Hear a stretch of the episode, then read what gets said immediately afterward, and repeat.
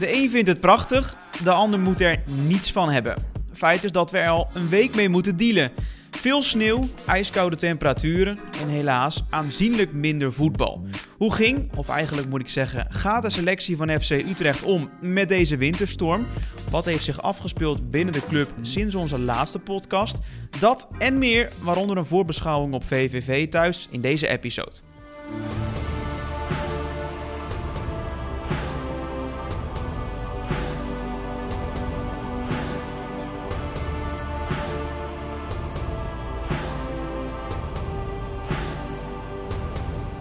Vanuit stadion Galgenwaard met het uitzicht op het veld, waar het zondag allemaal moet gebeuren. Half drie krijgen we namelijk bezoek van VVV Venlo.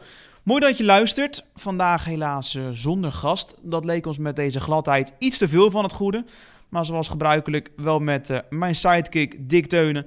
Om maar gelijk heel uh, eerlijk te zijn, Dick. Ik vind zo'n weekje als deze met de sneeuw um, stiekem wel iets hebben. Maar hoe is dat bij jou? Nou, ik kan er ook wel van genieten hoor. Als ik dan lekker naar buiten zit te kijken en ik zie zo'n wit deken buiten liggen, dan denk ik dat is wel heel mooi. Maar tegelijkertijd, als je in een sector zoals uh, de voetballerij zeg maar actief bent, um, dan is het toch ook wel echt wel een plaaggeest. Wat dan nu een, een soort van geluk bij een ongeluk is, is dat je niet te maken hebt met publiek dat naar stadions moet komen. Dat is dan vaak nog een factor waarop wedstrijden kunnen worden afgelast. Hè? Dat ze zeggen, oké, okay, er kan misschien wel gevoetbald worden, maar het is voor het publiek eigenlijk onverantwoord om, om zoveel duizend mensen de weg op te sturen. Gaan we niet doen. Nou, daar heb je nu dan uh, niet mee te maken. Dat maakt het in, in die zin makkelijker om wedstrijden te spelen. Maar nu is het weer dusdanig bar en boos. Ja, dat, het, dat het echt te veel van het goede is. En uh, nou ja, zo ging dus bij ons ook uh, Ajax uit. Terwijl daar notabene een dak op het stadion zit. Maar dat ging er toch, die wedstrijd ging er toch uit. Um, en ja, daardoor hadden we afgelopen weekend even de handen vrij voor andere dingen. Um, maar dat vond ik dan wel weer jammer. Want ja, Ajax, ik had er wel zin in. Ik had het idee dat iedereen in en rondom de club daar wel zin in had. Maar um, ja, het mocht er toch niet van komen.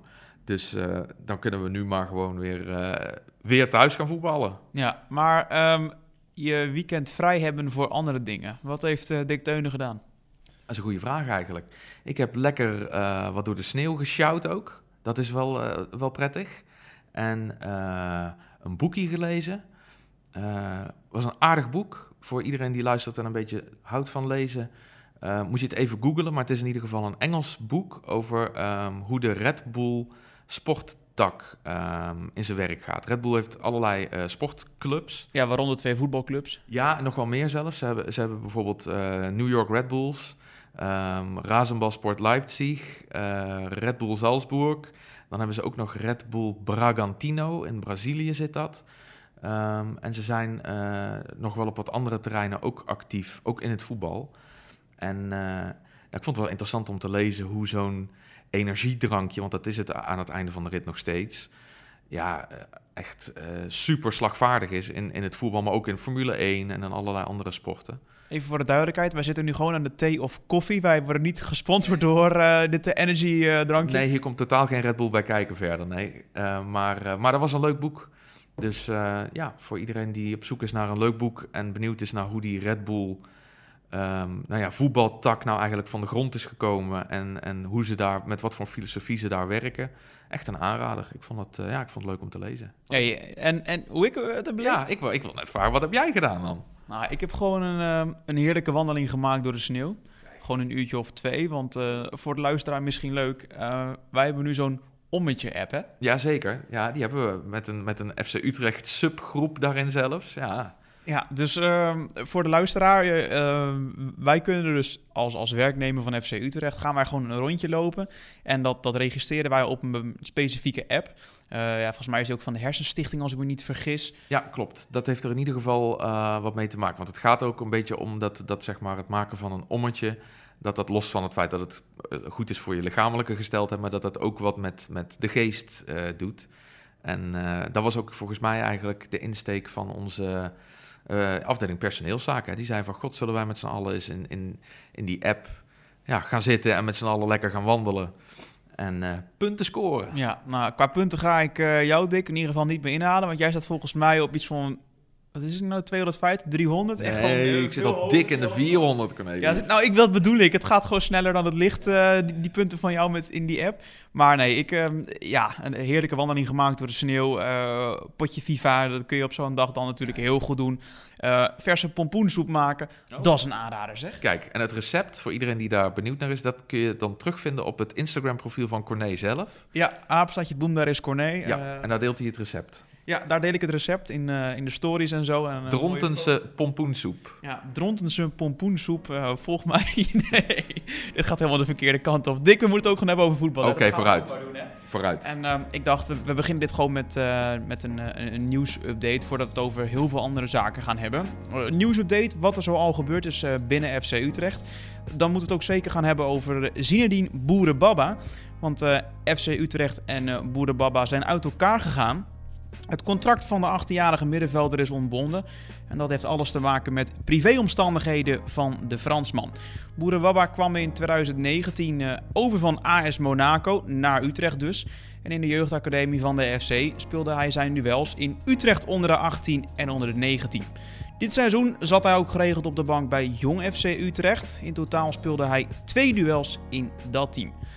Dan Christopher Mamengi, die ontbrak al een eh, aantal duels op het veld bij Jong FC Utrecht. En dus ook op de bank bij het eerste elftal. De verdediger had last van zijn enkelgewricht. Nou ja, dusdanig, zo blijkt, dat hij deze week zelfs geopereerd is. Mamengi wacht een maandenlange revalidatie. En vanuit Hierdik wensen wij hem natuurlijk heel veel succes. Ja, en beterschap vooral, hè, Christopher. Heel veel wetenschap voor eh, Christopher inderdaad. En dan naar nou ja, wat, wat beter nieuws dan de wat mindere nieuwtjes die we hiervoor eh, nou ja, hoorden. Want FC Utrecht heeft zich versterkt met Bagus Kaffi. De jeugdinternational van Indonesië sluit aan bij onder de 18. En vanuit daar hoopt Kaffi natuurlijk zijn draai te vinden in het Nederlands voetbal en zijn stappen te zetten binnen de club. Ja, wie weet wat voor een eh, mooie toekomst hem nog wacht hier in Utrecht. Utrecht. Ik heb in ieder geval vol bewondering mee eh, eh, eh, gemaakt wat er allemaal gebeurt als zo'n jongen gepresenteerd wordt. Maar hoe was dat voor jou, Dick? Al- Allereerst het moment dat je eh, vanuit het technisch hart van de club hoort... jullie gaan een jongen uit Indonesië eh, presenteren. Nou, ik werd daar persoonlijk wel direct enthousiast van. En, en dan ga ik het helemaal niet hebben over zijn voetbalkwaliteiten. Die ken ik namelijk niet. Ik heb hem nog nooit zien spelen ook. Ehm, maar ik weet wel dat Indonesië best een heel groot land is waar heel veel mensen wonen. Eh, allemaal ook echt, echte voetbalfanaten. Ehm, en ehm, ja, hun sporthelden, ze zijn er heel goed in om die te vereren. Dus als je, dat weet ik dan toevallig, eh, als je bijvoorbeeld een Indonesische voetballer bent en je komt in een restaurant binnenlopen in Indonesië, dan wordt er, of er nou mensen aan de tafeltje zitten of niet, het mooiste tafeltje van het restaurant wordt dan direct vrijgemaakt voor jou. Want jij bent de profvoetballer, jij bent de grote ster. En eh, nou, dat tekent denk ik wel een beetje hoe ze, hoe ze daar zeg maar in elkaar zitten. Waarschijnlijk hoeft die grote ster trouwens ook niet eens te betalen voor zijn maaltijd. Want het restaurant vindt het een grote eer dat een bekende voetballer in hun eh, zaak komt eten. Ja, dat is een hele andere inslag eigenlijk dan die hier in, in Nederland bijvoorbeeld hebt. Wij zijn daar veel te nuchter voor. Hè, op het moment dat hier een sportheld bijvoorbeeld komt te overlijden, dan gaan er soms jarenlange ambtelijke procedures overheen voordat een stadion een keer iemands naam kan dragen. En als in Argentinië eh, Diego Maradona overlijdt, dan is een dag later dan is het stadion al naar hem vernoemd. Dan is dat al geregeld. Dat zijn landen waar wat dat betreft emotie en heldenverering heel anders werken dan hier. En waarom vind ik dat dan zo leuk? Nou, omdat uh, in dit geval uh, al die Indonesiërs ook heel benieuwd zijn naar hoe hun parel, hun ster, hun held, Bagus Kaffi, het gaat doen in Europa. Wat daar toch wel een beetje wordt gezien als het, het mekka van het voetbal. Het komt, de sport komt hier uit Europa vandaan natuurlijk. De eredivisie is zeker in Indonesië toch ook wel een aansprekende competitie. Een competitie die gevolgd wordt. En um, nou ja, de komst van die Kaffi naar FC Utrecht dus, die, die bracht een soort social media wervelwind teweeg. Waarbij, um, waarbij het gros van de reacties op, onder onze berichten op dat moment uh, in een taal was die wij in ieder geval allebei niet machtig zijn. En, en de aantallen gingen wat dat betreft heel hard omhoog. Uh, stond deze week in het Algemeen Dagblad zelfs nog een verhaal ook over wat de komst van Kaffi op social media teweeg uh, bracht bij FC Utrecht. Nou, dat ging om echt vele tienduizenden volgers die erbij kwamen. Een YouTube-filmpje dat heel veel is bekeken. Een presentatievideo die door meer dan een miljoen mensen is, is gezien. Nou, dat is echt voor onze begrippen is dat gigantisch. Dus um, ja, ik, ik, ik werd er al blij van toen ik hoorde dat hij kwam. En toen hij eenmaal toen dat proces eenmaal gaande was, dus dan presenteren we die speler hè, als club. En dan zie je al die kanalen ja, een soort van op tilt slaan bijna. Zo de, de likes en de retweets en de comments en, en, de, en de nieuwe volgers, die stromen dan binnen, de nieuwe abonnees, noem maar op. Ja, er waren tijden dat je notifications nog gewoon aan durfde te, Ja, te dat zetten op wel, een eh, social media kanalen van, van Utrecht en eh, Ja. nou ja, je, club daarvoor, RKC Precies, Waalwijk. Maar dat zal nu niet het geval zijn. Nee, dat, dat is echt, eh, daar, daar raakt je telefoon over verhit van, denk ik. Nee, maar dus dat was heel leuk om, om te zien. Ehm, en tegelijkertijd is het natuurlijk ook iets wat, wat ook wel spannend is, denk ik, ook voor die jongen. Die voelt waarschijnlijk toch wel heel veel ogen vanuit Indonesië op zich gericht. En, en nou ja, daarom is het misschien ook wel heel mooi dat hij kan beginnen hier in die onder 18. En eerst eens even kan acclimatiseren. Ehm, letterlijk en figuurlijk, denk ik. Want we hebben het dan over een pak sneeuw en dat wij er al van opkijken dat dat er eh, zo in zulke mate ligt hier. Maar dat ben je natuurlijk als Indonesische jongen helemaal niet gewend. Dus ik denk dat, dat zo'n jongen komt letterlijk en figuurlijk eigenlijk in een nieuwe wereld terecht.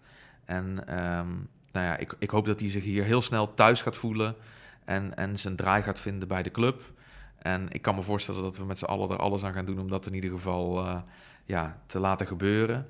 En dan hoop ik dat we ook op onze kanalen, maar uiteindelijk natuurlijk vooral op het veld nog, nog veel van hem mogen gaan eh, zien. Ja, wat mij opviel, een eh, heerlijke opgewekte jongen die uh, is met deze kans in Europa. En als ik de filmpjes moet geloven, Dick, dan, uh, ja, dan wil ik het nog wel, uh, wel zien gebeuren. Dat daar inderdaad hele mooie dingen uit uh, kunnen ontstaan. lichtvoetig, een dribbelaar, geweldig haar. Hè? Ook daar mag je gewoon... ja, absoluut. Ja. On, ja, onze eerste kennismaking die was eind vorige week toen hij voor mij stond voor de camera van FC Utrecht TV. Yeah, it's been a while. It's uh, been a hard situation, and then now I'm here. I'm happy. I'm uh, very grateful to people who helped me so much to get uh, to get this stage. And yeah, now I'm here. I'm happy with that. One of the best uh, club in, in Holland. One of the biggest club in in this country. So uh, I hear a lot about about this club, and um, I spoke with uh, with the ex player Utrecht, and uh, like Irfan, Irfan Bahdim, Stefano Lipali, even Mark Locke. Yeah, they they they they say to me is uh, FC Utrecht uh, will help you so much if you can get there. Uh, they really good to with a with a young young young player to uh, yes uh, everything like that, and they give me a lot of ad- advice. So yeah, they help me so much to get this uh, to get this. Ja, dat moet qua Engels waarschijnlijk wel lukken, maar ik zal het toch even kort uh, vertalen. Bagus uh, geeft aan dat het uh, even heeft geduurd allemaal, maar dat het moment nu eindelijk daar is. Utrecht, volgens hem een van de grootste clubs in het land. En drie voormalige Utrecht-spelers met een Indonesische link, namelijk Bachtim, Klok en Lili Palli. Die gaven hem advies, hij heeft er dus mee gesproken. En die jongens zeiden eigenlijk unaniem: Utrecht is een club die heel goed kan werken met jong talent. Als je de kans krijgt daar, dan moet je er zeker voor gaan. Goed, de video met Kaffi, die al uh, ja, meer dan 100.000 keer werd bekeken gisteren. Maar ik keek vandaag nog even en het zijn er inmiddels 150.000. Ja, die video die kun je zien via youtube.com slash FC Utrecht. Maar Dick, ook uh, met deze video dus, dat interview is weer te zien... dat die komst van hem ook in Indonesië waarschijnlijk... want daar komen die views natuurlijk vooral vandaan, heel veel heeft gedaan. Ja, nee, dat klopt. En dit was zijn eerste interview als zeg maar speler van FC Utrecht, zo mag je dat dan zeggen. Dus dat, nou ja, dat is toch altijd weer anders dan zijn zeventiende interview als speler van FC Utrecht. Um, dus ik kan me ook wel voorstellen dat heel veel mensen gewoon heel benieuwd waren naar wat hij te vertellen had en hoe het er hieruit zag. En dat hebben we ze kunnen laten zien in die video. Dus mocht je die video nou, terwijl je dit aan het luisteren bent, nog niet gezien hebben, zoek hem inderdaad even op op ons uh, YouTube-kanaal. En uh, dan zie je een stralende Bagus Coffee. Ja. Goed, van een kort item over Bagus Coffee naar een veel langere productie eigenlijk over ook een veel grotere meneer, want dat mogen we toch wel stellen, want ik heb het over Sébastien Allaire, de uh, Franse tank die hier uh, door Stadion Galgenwaard heen denderde en ondertussen de ene na de andere goal scoorde. En um, nou, daar zijn we natuurlijk uh, heel blij mee dat hij dat hier heeft gedaan. En um, er zit een datum aan te komen, namelijk aanstaande maandag. Dan is het precies zes jaar geleden dat hij in één wedstrijd namens FC Utrecht vier goals maakte. Nou, dat zie je echt niet zo heel vaak gebeuren, maar Sébastien Allaire, die heeft dat gedaan.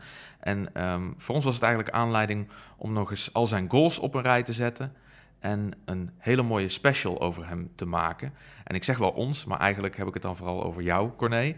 Um, Hoe is dat uh, proces verlopen? Ja, eigenlijk uh, weet je wat je net al zei. Ehm, we kiezen voor die specials natuurlijk uh, ja, min of meer samen leuke onderwerpen die voor ons gevoel relevant zijn om te laten zien. Uh, in het bijzonder in zo'n jubileumseizoen. En wij waren het er eigenlijk met z'n allen wel over eens dat daar minimaal een special over HLR ehm, ja, daarin moet zitten in dat jubileumjaar. en ja, die, die special, dat is eigenlijk wel het gekke dik. En dat, nou, dat weet jij ook. Maar we zijn daar al veel langer mee bezig dan men misschien denkt. Want het is niet uh, actie-reactie van... oh, hij komt naar Ajax, we moeten er wat mee doen. Nee, het, het merendeel van de interviews is al weken opgenomen... voordat überhaupt sprake was van die transfer uh, uh, naar Ajax. Voor men denkt, oh, Utrecht wordt wakker. Nee, maar, we hadden het er destijds zelfs over... maar dat ging toen vanwege corona wat lastig. Maar oké, hij voetbalt in Londen.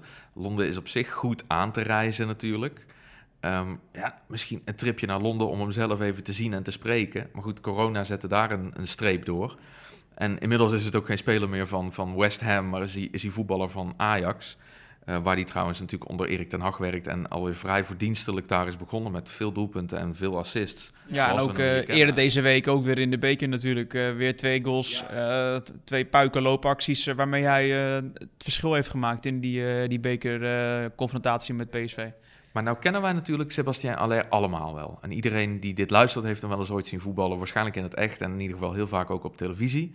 Um, maar wat ben jij nou tijdens die gesprekken die je hebt gevoerd rondom die special met allerlei mensen... Wat ben je nou over hem te weten gekomen waar je dacht, dat wist ik eigenlijk nog niet? Ja, het, het, het, leuke is eigenlijk, uh, en natuurlijk uh, is het makkelijk praten voor mensen achteraf, hè, omdat zo'n speler al uh, een paar jaar verder is in zijn carrière en nou, dan praten ze toch wat makkelijker over zijn situatie in de Domstad.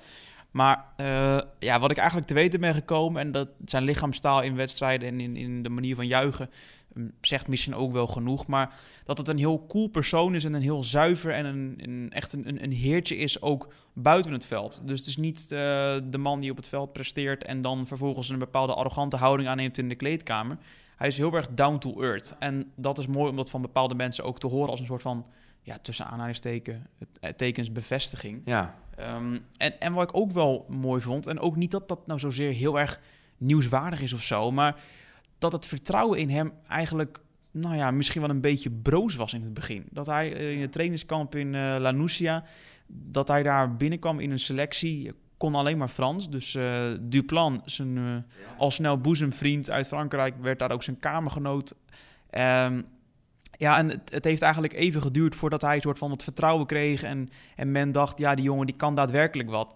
Maar uh, het, het, is leuk om te zien, en dat ben ik ook een beetje te weten gekomen, dat bijvoorbeeld een, Ruud Boymans eerst dacht, ah, die, die kan ik wel hebben. Op het moment dat hij uh, een soort van concurrentiestrijd aanging. En na verloop van tijd dacht, ja, wacht even, ik ga alvast op de bank zitten. Ik hoef niet eens warm te lopen, want die HDR die, is zo ontzettend goed. En om een beetje een gevoel te krijgen bij hoe, hoe dat nou precies um, nou ja, uh, klonk en hoe die mensen tegenover mij zaten. Dus dan heb ik het over bijvoorbeeld groot, uh, groot aandeelhouder Frans van Zeumeren. Ik heb het over voormalig teamgenoten. Ja, het klonk ongeveer zo. En ja, herken zelf maar de bewuste speler of persoon. Dat gaan we allemaal natuurlijk niet Nee, doen. dat lukt de luisteraars hiervan. Die, dat zijn de echte cracks, die weten dat wel. Die echte cracks, die weten dat wel. Dus een aantal personen over Sebastian Haller die net arriveerden in het trainingskamp in Spanje. De eerste paar trainingen, het liep, het liep niet heel soepel toen. Uh, ik moet zeggen dat het veld er ook niet optimaal bij lag. Af en toe stuitte hij net op, waardoor het dan net even niet, uh, niet goed eruit zag. Ja, inderdaad. In die, het was niet zo dat hij een verpletterende indruk maakte in die, in die weken ervoor. En ik weet nog wel de eerste trainingsmomenten ook, uh, dat hij bij ons aansloot op het trainingskamp. Ja, was ook niet zo van nu hebben we er eentje, weet je wel. Dus. Nou, in het begin zagen we het niet, maar hij heeft zich zo snel ontwikkeld. En zo, uh, dat is bizar. Uh, in het begin uh, werd eigenlijk gedacht van, kan hij wel aanhaken op dit niveau? Want hij komt natuurlijk uit Frankrijk en Tweede League. dat je soms ook dacht van, ja, hoe, hoe, heeft Utrecht die gescout? En dan op een gegeven moment kwam hij los en je zag natuurlijk wel gelijk al gewoon dat hij atletisch was. En dat hij ja, wel gewoon iets, iets kon, maar... Het kwam er nog niet echt uit aan het begin, maar toen, eenmaal, uh, toen die los was, uh, is het ook wel goed losgegaan. Nou, ben je nou nieuwsgierig geworden naar hoe de volledige special eruit ziet? Dan kan ik het je vooral aanraden om aanstaande maandag te kijken op ESPN 1. dan gaat hij in première. En later zien hem natuurlijk ook nog verschijnen op ons YouTube-kanaal. En niet te vergeten op RTV Utrecht, onze special over Sébastien Aller. Misschien wel de beste spits van FC Utrecht van de afgelopen tien jaar. Wie zal het zeggen? Het is een beetje uh, persoonlijk altijd Ja, zijn er meerdere. Hè? Dan hoor je ook vaak de namen van... ja, maar vergeet Igor Glucevic niet. Vergeet Michael Mols niet bijvoorbeeld. Tal van hele goede spitsen gehad hij. Maar, maar Sebastien Aller uh, in, in nou ja, de recente tijden... misschien toch wel... ja, was toch wel een, een klasse apart. Ja. Enfin, leuk om te bekijken. Um, dus ga dat al en vooral doen, zou ik zeggen. Uh, en ondertussen werken we, voordat die special op tv komt... natuurlijk toe naar een wedstrijd tegen VVV Venlo... En dat doet onze selectie normaal gesproken altijd op Sportcomplex Zoudenbalg. Hier een letterlijk bijna een steenworp verderop aan de Koningsweg. Maar vanuit hier kun je het nog zien liggen, zelfs als je naar buiten kijkt. Het is één witte vlakte daar. Daar rolt voorlopig volgens mij nog geen bal. Maar gelukkig in Venendaal wel. Sportpark Spitsbergen heet het daar trouwens. Vond een prachtige naam in dit kader, omdat het met sneeuw en zo, Spitsbergen, prachtig. Daar speelt VRC, dat is een rakclub van FC Utrecht. Dus die behoren tot het netwerk van regionale amateurclubs waar FC Utrecht een samenwerking mee onderhoudt. En die waren zo gastvrij en vriendelijk om te zeggen: FC Utrecht, jullie zoeken een plek om jullie gedegen te kunnen voorbereiden op de wedstrijd tegen VVV Venlo. Wij kunnen die wel eentje voor jullie creëren. Kom hier maar jullie trainingsarbeid leveren. Nou, daar maakten wij natuurlijk uh, gretig gebruik van. En we spraken daar in Veenendaal langs de lijn ook met onze hoofdtrainer René Haken om vooruit te blikken op die wedstrijd tegen VVV. Eh, we hebben dinsdag weer uh, voor het eerst op de club getraind. Ja, zoals we achter je kunnen zien, de velden op Zoudenwalg die waren natuurlijk ondergesneeuwd. Is wat je ploeg belemmerd in de voorbereiding op Venlo?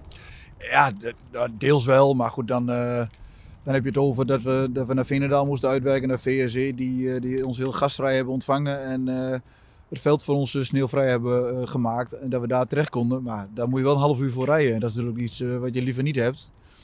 Dat, daar gaat veel tijd en energie in, in verloren wat je liever niet wilt. Nou, je hebt nu wel twee weken de tijd gehad om de puntjes op de, op de i te zetten. Is dat dan nog fijn, die langere tijd qua voorbereiding? Nee, want, want vorige week heb je het gewoon tot en met zaterdag gewoon compleet voorbereid op Ajax en niet op VVV. En uh, nu uh, door omstandigheden is ook de week er anders uit komen te zien. Dus heb je andere trainingsdagen gehad dan, dan dat je gepland hebt. Maar goed, uiteindelijk gaat het wel om dat je de accenten kunt leggen in zo'n week richting de wedstrijd die, die gaat komen. Dat hebben we wel kunnen doen. Nou, veel partijen en ongelukken natuurlijk nu in deze periode. Bij, bij Utrecht iedereen heel gebleven? Ja, niemand in de vangrail gezien gelukkig. Letterlijk niet en, en figuurlijk ook niet. Dus wat dat betreft uh, hebben, hebben, we iedereen die vorige week uh, aan boord was, ook weer deze week aan boord kunnen hebben, gelukkig. En dat betekent dat het de goede kant op gaat. Ja, dat was het menselijke aspect. Gevoel en woorden van hoofdtrainer René Haken. En het hele item, dat kun je zien op ons YouTube-kanaal. Maar ook de cijfers zijn natuurlijk altijd mooi. VVV is de huidige nummer 14 en probeert zich veilig te spelen.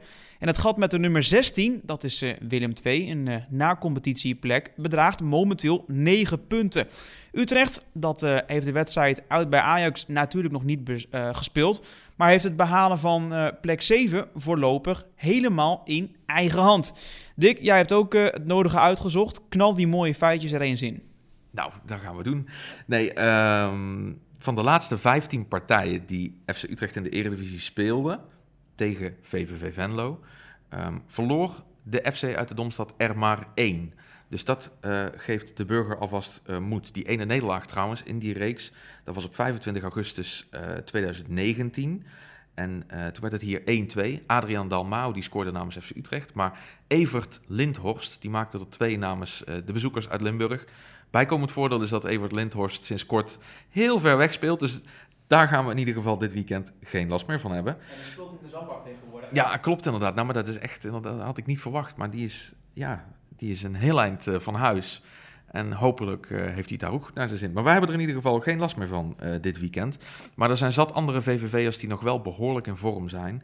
Um, want als je kijkt naar de laatste zes wedstrijden die ze speelden, dat gaat dan om de wedstrijden in dit kalenderjaar 2021, pakten ze uh, 13 punten. Dat zijn er al meer dan in, in al die wedstrijden die ze voor de winterstop bij elkaar speelden. En sterker nog, na de winterstop, dus in dit kalenderjaar, pakte alleen Ajax, die pakte 16 punten, pakte meer punten dan VVV Venlo. Dus ze staan weliswaar niet zo hoog op de ranglijst. En we hebben een hele goede uh, track record eigenlijk tegen ze. Maar het is allerminst een team om te onderschatten, want ze zijn echt in goede vorm. En ehm, dan kan ik heel makkelijk en logisch de overstap maken naar mijn volgende feitje. Dat gaat over Georgios Giacomakis. Die heeft namelijk al 21 doelpunten gescoord. Dat is dus niet alleen de topscorer van VVV Venlo, maar ook meteen van de eredivisie. En dat is een, een Griekse spits. En hij maakte er in zijn eentje dit seizoen al meer dan uh, drie clubs er überhaupt wisten, wisten te scoren. Het zijn RKC, ADO en Emmen. En dat is echt ja, een absolute sensatie eigenlijk. Um, en uh, ja, er zijn hele oude records ook die hij eigenlijk goed in beeld heeft. Als je kijkt, alleen Koen Dille van PSV, 24. Tony van der Linden, die kennen we hier natuurlijk nog wel. DOS, 23. En Cor van der Gijp van Feyenoord, 22 maakte ooit meer dan 21 goals in hun eerste 21 eredivisie-duels. En wat op dat drietal wat ik net noemde, dus Dille, Van der Linden en Van der Gijp, van toepassing is, is dat het allemaal gaat om uh, goals die ze maakten in het seizoen 56-57. En dat was dan weer het allereerste eredivisie-seizoen ooit. Daar hebben we het dus over echt heel lang geleden. En uh, nou ja, Giacomakis, dat, dat is dus de man om uh, aan, aan Venloze zijde in de gaten te houden. Ja, Elke eredivisionist die maakt het wel eens mee.